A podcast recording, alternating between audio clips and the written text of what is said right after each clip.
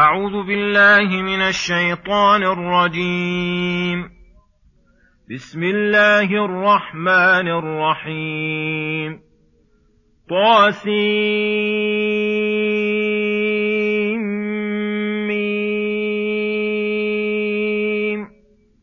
تلك آيات الكتاب المبين. نتلو عليك من نبأ موسى وفرعون بالحق لقوم يؤمنون. إن فرعون علا في الأرض وجعل أهلها شيعا يستضعف طائفة منهم يذبح أبناءهم ۖ يستضعف طائفة منهم يذبح أبناءهم ويستحيي نساءهم إنه كان من المفسدين ونريد أن نمن على الذين استضعفوا في الأرض ونجعلهم أئمة ونجعلهم الوارثين. ونمكن لهم في الأرض ونري فرعون وهامان وجنودهما منهم ما كانوا يحذرون. وأوحينا إلى أم موسى أن أرضعيه فإذا خفت عليه فألقيه في اليم ولا تخافي ولا تحزني. ولا تخافي ولا تحزني إنا رادوه إليك وجاعلوه من المرسلين فالتقطه آل فرعون ليكون لهم عدوا وحزنا إن فرعون وهامان وجنودهما كانوا خاطئين وقالت امرأة فرعون قرة عين لي ولك لا تقتلوه عسى أن ينفعنا لا تقتلوه عسى أن ينفعنا أو نتخذه ولدا وهم لا يشعرون. بسم الله الرحمن الرحيم. السلام عليكم ورحمة الله وبركاته. يقول الله سبحانه طاسيم تلك آيات الكتاب المبين. أي تلك الآيات المستحقة للتعظيم والتفخيم.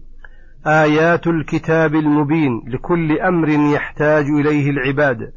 من معرفة ربهم ومعرفة حقوقه ومعرفة أوليائه وأعدائه ومعرفة وقائعه وأيامه ومعرفة ثواب الأعمال وجزاء العمال. فهذا القرآن قد بينها غاية التبيين وجلاها للعباد ووضحها. ومن جملة ما أبان قصة موسى وفرعون فإنه أبداها وأعادها في عدة مواضع وبسطها في هذا الموضع فقال نتلو عليك من نبأ موسى وفرعون بالحق فإن نبأهما غريب وخبرهما عجيب. لقوم يؤمنون فإليهم يساق الخطاب ويوجه الكلام حيث إن معهم من الإيمان ما يقبلون به على تدبر ذلك وتلقيه بالقبول والاهتداء بمواقع العبر ويزدادون به إيمانا ويقينا وخيرا إلى خيرهم. وأما من عداهم فلا يستفيدون منه إلا إقامة الحجة عليهم وصانه الله عنهم. وجعل بينهم وبينه حجابا أن يفقهوه. فأول هذه القصة إن فرعون علا في الأرض في ملكه وسلطانه وجنوده وجبرته. فصار من أهل العلو فيها لا من الأعلين فيها وجعل أهلها شيعا أي طوائف متفرقة يتصرف فيهم بشهوته. وينفذ فيهم ما أراد من قهره وسطوته.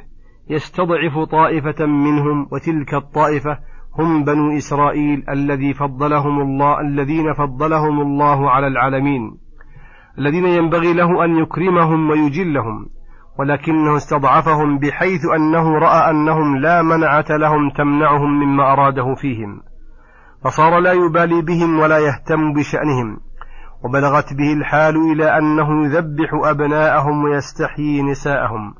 خوفا من أن يكثروا فيغمروه في بلاده ويصير لهم الملك. إنه كان من المفسدين الذين لا قصد لهم في صلاح الدين ولا صلاح الدنيا وهذا من إفساده في الأرض. ثم يقول سبحانه ونريد أن نمن على الذين استضعفوا في الأرض بأن نزيل عنهم مواد استضعاف ونهلك من قاومهم ونخذل من ناوأهم. ونجعلهم أئمة في الدين وذلك لا يحصل إلا مع استضعاف بل لا بد من تمكين في الأرض وقدرة تامة ونجعلهم الوارثين للأرض الذين لهم العاقبة في الدنيا قبل الآخرة ونمكن لهم في الأرض فهذه الأمور كلها قد تعلقت بها إرادة الله وجرت بها مشيئته وكذلك نريد أن نري فرعون وهامان وزيره وجنودهما الذين بهم صالوا وجالوا وعلوا وبغوا. منهم أي من هذه الطائفة المستضعفة ما كانوا يحذرون من إخراجهم من ديارهم ولذلك كانوا يسعون في قمعهم وكسر شوكتهم وتقتيل أبنائهم الذين هم محل ذلك. وكل هذا قد أراده الله وإذا أراد أمرا سهل أسبابه ونهج طرقه. وهذا الأمر كذلك فإنه قدر وأجرى من أسباب التي لم يشعر بها لا أولياؤه ولا أعداؤه.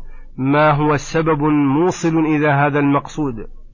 فأول ذلك لما أوجد الله رسوله موسى الذي جعل استنقاذ هذا الشعب الإسرائيلي على يديه وبسببه وكان في وقت تلك المخافة العظيمة التي يذبحون بها الأبناء أوحى إلى أمه أن ترضعه ويمكث عندها.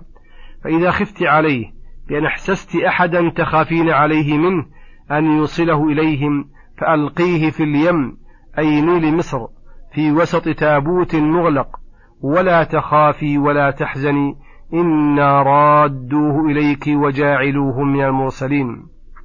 فبشرها بأنه سيرده إليها وأنه سيكبر ويسلم من كيدهم ويجعله الله رسولا وهذا من أعظم البشائر الجليلة وتقديم هذه البشارة لأم موسى ليطمئن قلبها ويسكن روعها فكأنها خافت عليه وفعلت ما, أمرت به ألقته في اليم وساقه الله تعالى فالتقطه آل فرعون فصار من لقطهم وهم الذين باشروا وجدانه ليكون لهم عدوا وحزنا أي لتكون العاقبة والمآل من هذا الالتقاط أن يكون عدوا لهم وحزنا يحزنهم بسبب أن الحذر لا ينفع من القدر وأن الذي خافوا منه من بني إسرائيل قيض الله أن يكون زعيمهم يتربى تحت أيديهم وعلى نظرهم وبكفالتهم. وعند, وعند التدبر والتأمل تجد في طي ذلك من المصالح لبني إسرائيل ودفع كثير من الأمور الفادحة بهم ومنع كثير من التعديات قبل رسالته بحيث إنه صار من كبار المملكة. وبالطبع لا بد أن يحصل منه مدافعة عن حقوق شعبه هذا وهو هو ذو الهمة العالية والغيرة المتوقدة. ولهذا وصلت الحال بذلك الشعب المستضعف الذي بلغ بهم الذل والإهانة إلى أن ما إلى ما قص الله علينا بعضه أن صار بعض أفراده ينازع ذلك الشعب القاهر العالي في الأرض كما سيأتي بيانه. وهذا مقدمة للظهور فإن الله تعالى من سنته الجارية أن جعل الأمور تمشي على التدريج شيئا فشيئا ولا تأتي دفعة واحدة. فقوله إن فرعون وهامان وجنودهما كانوا خاطئين أي مجرمين فأردنا أن نعاقبهم على إجرامهم ونكيد لهم جزاء على مكرهم وكيدهم. فلما التقطه آل فرعون حنن الله عليه امرأة فرعون الفاضلة الجليلة المؤمنة آسية بنت مزاحم وقالت هذا الولد قرة عين لي ولك لا تقتلوه. أي أبقه لنا لتقر به أعيننا ونسر به في حياتنا. عسى أن ينفعنا أو نتخذه ولدا. أي لا يخلو إما أن يكون بمنزلة الخدم الذين يسعون في نفعنا وخدمتنا أو نرقيه درجة أعلى من ذلك نجعله ولدا لنا ونكرمه ونجله فقدر الله تعالى أنه نفع امرأة فرعون التي قالت تلك المقالة فإنه لما صار قرة عين لها وأحبته حبا شديدا فلم يزل لها بمنزلة, بمنزلة الولد الشقيق حتى كبر ونبأه الله وأرسله بادرت إلى الإسلام والإيمان به رضي الله عنها وأرضاها.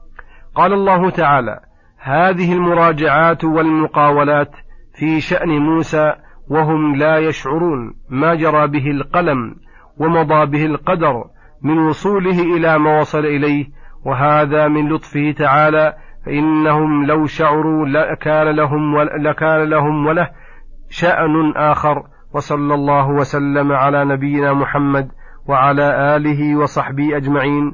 وإلى الحلقة القادمة غدا إن شاء الله والسلام عليكم ورحمة الله وبركاته.